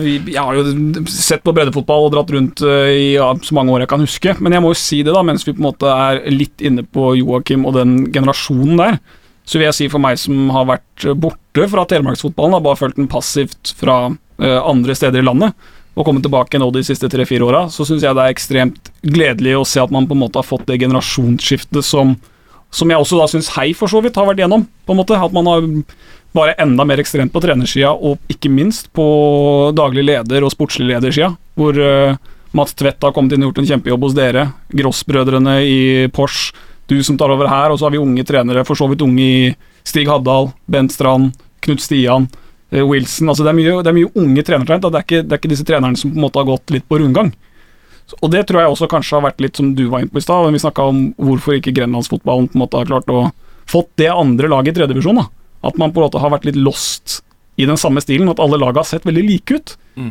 Eh, og ikke minst at Porsche da ikke har klart å etablere seg på nytt i andredivisjon. For det er jo Hele utviklingsmodellen i Grenland er helt avhengig av at vi har et lag i andredivisjon også. Mener jeg, i hvert fall. Jeg er ikke uenig i det. Ikke uenig i det i det hele tatt. Eh, konsensus i studio er at eh, det er Hei som eh, vinner årets Vardenliga og fjerdedivisjon, og så er det Statell og Odd som tar de to neste plassene. Det er alle bortsett fra Hei-keeper Steffen som tror det. Har ikke trua på Statell-guttene heller. Hvor har du Statell egentlig, Steffen? Ja, de har jeg på en, en fjerdeplass. Ja, du har det, så det er ikke, det er ikke helt ned mot Gulset der. Nei, de, de har noen gode enkeltspillere, det har det. Men som jeg nevnt tidligere, så, så får du ikke like god sesong i år. Gjett om Færseth, hvis han scora på deg i år, kommer til å være helt oppi trynet ditt eh, og melde. Det, det skal gå fint. Det har ikke noe å si hvis det er 1-4-skåring. Altså, må gjerne være oppi Nei, Færseth er fin, han. Eh, Han, var, eh, han spilte jo i eh, Det er ikke mange ganger siden når han spilte urett mot, mot eh, Vårs. Da ble det mye fingre der ikke de skal være. Og Og det var sånn, ja. ja, ja Færseth er Han er fin på banen. Altså. Han er gæren. Full av triks. Det er gøy å spille mot sånne folk. Ja. Det er det. Ja, det er moro. Ehm, og så er vi enige om alle at uh, Nomo og Snøgg de går ned. Det er jo bare uh, Ollestad og Bernås uh, som tror at Nome eh, ikke eh, går ned. Eh, men ellers så tror alle andre at Nome og Snøgg går rett ned. Og så er det litt sånn eh, hvem som tar den siste plassen. Her har vi fått både Gulset og Notodden 2 og Eidanger, selvfølgelig, som tar den eh, tiendeplassen. Uh, noen som tror her i studio, Joakim. Så tror Skarpin-trener at Nome tar den, eh, den plassen. Og så har jeg trua på samme som eh, Kristoffer, at det er Notodden som havner på den, eh, den tiendeplassen. Vi nærmer oss sesongstart, mine herrer. Eh, 11. april starter med følgende kamper. Snøgg mot Notodden 2. Skikkelig lokalderby oppe på gamle Notodden stadion. Eidanger, dere har fått besøk av din tidligere klubb Pors 2. Ja. Hvordan blir det? Det ble veldig moro. Vi hadde en treningskamp mot de, den første treningskampen i vinter. Da var det jo veldig mye ungt, da. Så jeg er jo litt spent på Du var jo litt inne på det, Tore, at um, om det er liksom U23-gruppa og noen av A-lagsgutta som skal ned og spille litt der, eller om det blir reint junior. da Det, det er vanskelig å få noe info om det, og jeg vet jo at Stig eh, har vært veldig sånn tydelig på at de ikke ønsker å drepe treningshverdagen til A-laget i forhold til det. Så jeg er veldig spent. Og det jeg syns det var ugreit å møte de første sesong Altså første kamp for sesongen, da. Eh, hvor de kanskje har eh, litt mer eh, å gå på i forhold til Litt mer overskudd i ja, litt A-troppen. mer overskudd i troppen, ja. Mm. Så, men eh, vi skal ta dem. Hvem ville dere møtt? Nei, jeg ville jo eller så snøgg snøgg eller da, lomme? på hjemmebane. Det hadde vært helt rått. Men uh, vi, vi, vi tar Porsche 2 òg, altså. Det, vi ser veldig fram til den kampen. Og så er det jo mot Anders Gross som er trener der, så det blir en sånn liten sånn intern uh, duell i Kjenner hverandre litt. Kjenner hverandre litt, kan du si. Fra den grusomme FK Grenland. Det var det verste laget jeg visste å møte.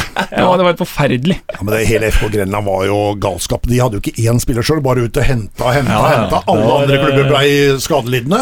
Så ingen likte jo FK Grenland, bortsett fra de som var der. Nei da, det er, det er korrekt, det. Og så var jo det litt av liksom, profilen vi spilte litt på òg, da. Det, det var Det var, ikke det, det var ikke det det skulle være. For Nei det, det, skulle være, var at det skulle være en klubb for alle som øh, gjerne var litt på utsida av alle andre, og skulle være litt sånn Sånn som Eidanger driver, egentlig. Sånn som dere gjør nå. Ja. Er de som tar vare på folk, og som detter litt på utsida sånn. For der er er Eidanger klasse, altså. Det, ja, ja, absolutt. Men uh, jeg tenker jo at det mye endra seg der når du plutselig fikk Jonas Langeland og et par fra Porsche der som skulle ned og spille sjette, og så gikk det litt uh, rykter i kompisgjengen, og så var vi litt lei av å spille de andre breddeklubbene, og så, så ble det jo plutselig veldig, veldig mange bra spillere. Enger og det Enger var, og Bjørn, og det var, kom Ja, det var Jeg hadde altså så vondt på den kjøreturen ut der. Vi skulle spille med et halvt A-lag. Da var jeg, jeg kan ikke ha vært mer enn øh, ja, 18 år eller noe sånt. Hvilken klubb snakker vi?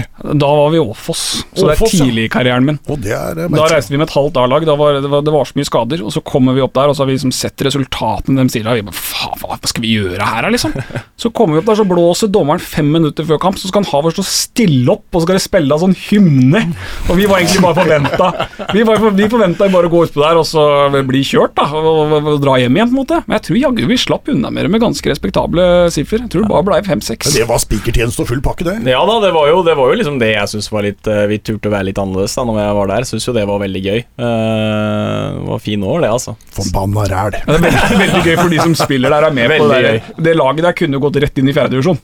Det var ikke så Ja, ja. veldig artig for oss andre lag, men vi var egentlig bare misunnelige, for å være helt ærlig. Ja. Skulle ønske jeg kunne spille på topp der òg. Kristoffer, dere tar imot eh, Storm på hjemmebane i aller første kamp. Hva tenker du der? Nei, det litt spesielt, da. Det er jo Storm er jo moderklubben min, så Og vi eh, har uh, henta A-lagstreneren deres fra i fjor inn i trenerteamet nå i vinter. Så Det blir mye følelser. Ja, nei. Både ja og nei. Det er eh, har eh, Vi har møtt de to ganger nå siste En gang nå i vinter og en gang i, på seinsommeren før sesongen starta i høst. Eh, og vi er eh, fullt på høyde og periodevis bedre enn de, så jeg har trua på å gå for tre poeng i første hjemmekamp. Soleklare tre poeng der. Nei, det sa jeg ikke. Men vi, vi går for tre poeng. går for tre poeng. Men det jeg ikke fikk med meg, er jeg som har hørt dårlig, men hvor har du Tollnes? Har du svart på det? Øvre halvdel har du Ja, sagt skal- i avisa, vi- så nå må du følge opp. Skal vi se, har jeg, har jeg, ikke, har jeg ikke spurt om det? Nei. Har jeg ikke spurt om det? Kristoffer, hvor har du Tollnes seg? Beklager at jeg ødela flyten her nå. Jo, Jeg, jeg spurte vel om det helt i starten, gjorde jeg ikke det? Og forventa, i hvert fall. Femteplass. Du har det på femte, du. Ja. Foran Eidanger. Rett foran Eidanger, eh, rett bak Storm. Ja, det høres riktig ut, det. Ja. Det er ikke dumt, det. Nei, jeg har de, jeg òg, på femteplass. Altså, jeg, Nå kommer vi inn i studio her da med to nyopprykka lag, og så skal vi liksom ha litt fyring. og så er den ene etter den andre har jo bare andre motstanderen bare høyere og høyere opp på tabellen. For det er rart at ikke du tippa Eidanger på topp, Steffen. Nei, jeg er veldig glad i å fyre. Eh, Jeg har egentlig ikke skjønt hva Eidanger har drevet med de siste åra. Men, eh, da. men, men nå som Joakim er Eidanger, og jeg ser det er struktur der, så har jeg full respekt, og jeg tror de kan gjøre en, en god sesong. Eh, så får jeg heller fyre litt mot uh, Satelle. Det har du gjort allerede hos meg. Men, men det, er jo, det er jo en greie eh, som jeg også kan ta med deg, Tor Henrik. Altså, når de snakker da om eh, Eirika Sante Gai og Odin Bjørtuft, så sier de eh, Eidangergutten. Altså, eh, blir man Eidangergutt når man har spilt i hei i elleve sesonger, og så har man halvannen sesong i Eidanger? Nå, nå må du huske på det nå. Jeg er fra Skien, sant? Ja. Vi hadde ikke noen venner fra Porsgrunn vi når vi vokste opp. Ikke, du, du vokste ikke opp i Porsgrunn. Jeg har aldri vært i Porsgrunn jeg, før jeg begynte i PD. Jeg har bare kjørt forbi på vei til E18. Det er der vi er, på en måte. Så når jeg da kommer her og spør eh, folk i mine lokaler, eh, så er Og det er jo blitt en viktig del av lokalavisjournalistikken, å vite hvor folk er fra. Og det er, jo- det er jo helt fair. Da, men da må jeg spørre. For jeg, jeg kan jo bare se fram til 2011 eller noe sånt på fotball.no, hva som har skjedd før der, om han egentlig er fra Bodø. Det vet ikke jeg. Nå kjenner jeg jo de to, da, som du snakka om, men allikevel. Så da spør jeg, og da får jeg svar. Eidanger. Ja. Og da, da, er, da tenker jeg Eidanger. Steffen. Eirik Asantegai. Santegai ja, det er Steffen er stridslig gutt. Eirika Santegai, Odin Bjørtuft, hvor er de fra? De er fra Heisa. De er fra Heistad. De har grønt blod. Ja, det er så enkelt det er jo. Ja, ja, Ja. Så det at de begynner å kalle seg Eidanger-gutter, det er Dere skal ta skylda for det, Joakim. Har det ingenting din- med. din Har ingenting med. Nei. Nei, Har ikke bygd opp de guttene der sånn. De Nei det skal ikke jeg ta noe ære for. de har vært innom og vært der på et guttelag uh, i halvannen sesong, punktum. Uh, Jeg kan, kan du skyte inn Eidanger har ikke klart å produsere så mye, så det er vel greit at de får litt kred i, media. ja. Er det noe rekruttering i Eidanger nå? Ja, det er jo på gang. Nå er eh, Juniorlaget er bedre enn eh, det har vært. Eh, og så er det veldig mange gutter 16. Uh, der er det to eller nesten tre lag, tror jeg. Og så er det jo liksom selvfølgelig litt sånn Noe er uh, sosial profil, og noen av de uh, er litt trøkk i, da. Uh, vi har jo en keeper som er eh, meget, meget god, som heter Storm Øynes. Han eh, er vel eh, tett oppe igjen og blir tatt ut på sånne regionale samlinger og sånt. Og så har vi en, eh, en, en ung bekk da, som heter Magnus Nordengen også, som er veldig lovende. da Så vi har eh, De er vel Er det 05 eller noe sånt? da? Det er helt vilt. Du er helt de årstallene er helt Jeg klarer ikke å forholde meg til det engang, men uh, de, er, de er unge og friske, i hvert fall. Jeg husker ikke hva jeg gjorde i 05 engang. Altså. Ja, nei. Nei, altså det, er, det, er, det er ting, men eh, vi som, eh, som klubb har jo ting å gå på der også. Litt sånn eh, i forhold til å gi de beste et godt tilbud og ha nok seriøsitet nedover i, i ungdomsrekrutteringa òg. Så det er, jo, det er jo utfordringer veldig mange breddeklubber står i. da så er det å se om man klarer å få Han sportslederen i Eidanger har gjort en knalljobb med å liksom få litt struktur og få heisa opp A-laget også, som jeg tenker er en veldig sånn viktig arena å ha for eh, gutter å se opp til òg, da. Mm. Mm. Eh, og så er det jo Hei da som skal spille andre kvalifiseringsrunde mot eh, Storm uh, helga før seriestarten. Eh, altså ti-elleve dager, ti dager før eh, seriestarten. Ni dager. Eh, og skal da møte det som alle tror blir på en måte seriefinalen allerede i første kamp mot Odd 3. Hva tenker du, Steffen?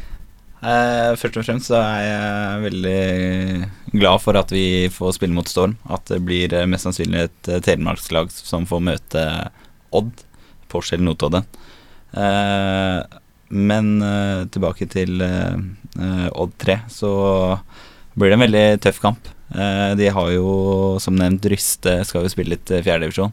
De har henta Kasper Andersen fra Hei, Mm. som eh, Klassespiller. klasse Klassespiller Og fantastisk type. Ja, helt- det må jeg bare si med en gang. Ja. Han er en nydelig fyr, ass. Ja. Far nå. Så de, det, det blir en tøff første kamp, så det setter egentlig litt, eh, litt standarden. Uh, så jeg er veldig glad for at vi møter Odd 3 i første kamp. Så har de vel med en uh, Gisa der, var i hvert fall med mot Porsche, som har blitt sett på av noen relativt store utenlandske klubber allerede. Så det er, mye talent i det Odd-laget, altså. De, de spiller jo for, for eh, drømmen sin, alle de, de som er med i troppen der. Ja. Så det blir en eh, tøff batalje, det gjør det.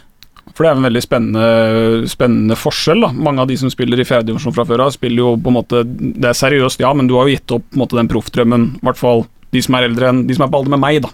Og hvis du liksom er I 40-åra. Nei, 28.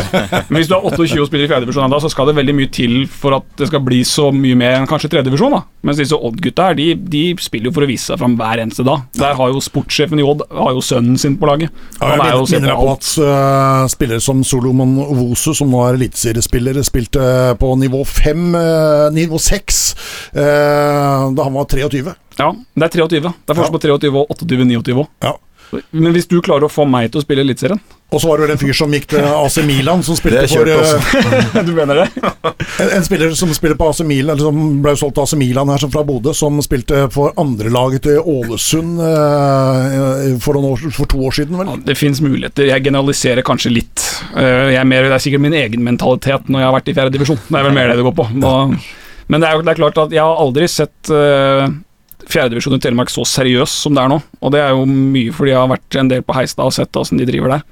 Og hvor mange timer som kreves for å spille på nivå fem i Norge, det, er, det begynner å bli ganske vilt, altså. Så all honnør til uh, trenere og spillere og alle som bruker store deler av uka si på det her, da. Det er eh, Det er eh, all honnør, og det gjør at uh, sånne som meg kan dra og se på fotball med veldig bra kvalitet. Ja, det er Det er bare hyggelig.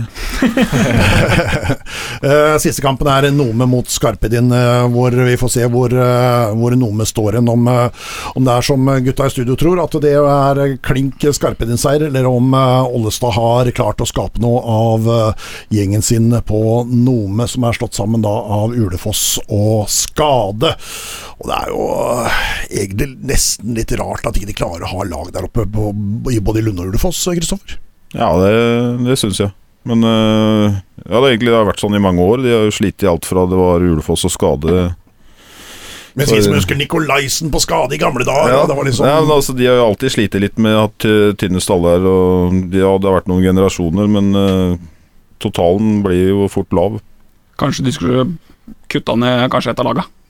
Kanskje slått litt sammen. Jeg vet ikke, Nå, nå kan godt være at jeg tråkker i en rottfelle her, og at de, de laga her hater hverandre for alt det er verdt, men det er vel Tydeligvis ikke, tydeligvis ikke, siden jeg er sammen nå. Eh, Ja, ikke sant. Så, så kan man kanskje slå Og sammen Magne Sture og Julefoss, gud i heita han var god. Rosenborg, Ja, han. jeg husker han nå. Ja, eh, var eh, proff i Danmark og i det hele tatt var en kanonspiller. Eh, mine herrer, eh, vi gleder oss eh, til 11. april, hvor det spilles tre kamper. Og så spilles Hei og Odd mot Hei og Odd. De møtes 12., og noe med Skarpen også 12. Eh, så det blir utrolig spennende. I mellomtida så skal vi se på skal vel alle på Kleiva og se Storm mot, mot Hei. Ja, jeg skal vel kommentere den, antar jeg, så det må vi jo, der må vi jo klare å møte opp. Ja, Kristoffer skal du hjem og se kampen? Jeg skal i, i gåsehudene hjem og se kampen, ja. Ja, Selv om jeg har blitt uh, Porsgrunnsgutt av meg, faktisk. jeg har det. Ja, Velkommen. takk. Velkommen. Uh, Joakim, skal du se kampen? Jeg er aleine med tre unger, kanskje, så jeg får se litt åssen vi gjør det der. Men uh, det er 2. april, eller? Det, er ikke sikkert andre, det er andre, tre, Andre, ja, hvis det er tre. tredje, så er det kjør. Og hvis det er andre, så går det ikke. Det er fin lekeplass der oppe. Ja, det er det, ja. ja. vi får se. Men eh, jeg har veldig lyst til å få med den kampen, så det, hvis ikke så blir det på televisjonen, da. Ja, Mm. Ja. Eh, Tor Henrik, eh, hva er planene videre for podkasten vår? Vi tenker jo nå først og fremst at eh, det kommer et eh, ganske rått oppgjør i første serierunde i tredje divisjon. Det er nummer én. Så må vi jo ha en eh, i samarbeid eh, i forbindelse med det, da, kanskje en gjennomgang også av tredje divisjon, gitt at vi tross alt har eh, en del prosent av laga her i Porsgrunn spiller jo i den tredje divisjonen. Det blir vel troligvis i to forskjellige ender av tabellen også, så jeg ser for meg det. Så er det jo mye å snakke om inn mot sesongstart. Det, disse tabelltipsa her De kan jo se, på en måte se helt annerledes ut om to uker. Hvis Storm plutselig henter hjem hele, hele rekka der. Så, så veit man jo ikke det.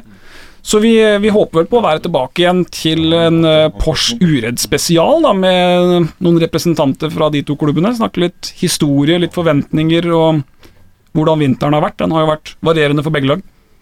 Spennende. Mine herrer, eh, tusen takk for oppmøtet. Eh, lykke til med sesongen, alle sammen. Takk skal du ha. Tusen takk. Tusen takk. Uansett om det blir tiendeplass eller fjerdeplass. Ja, ja, vi er fornøyd med alt midt imellom der, vi. Alt ja. Lykke til, og lykke til mot eh, Storm, eh, Steffen. Tusen hjertelig. Ja, da er vi tilbake en annen gang. Du, man vet aldri. Plutselig så popper vi opp igjen. Plutselig dukker vi opp. Et par uker. Takk for oss. Ha det.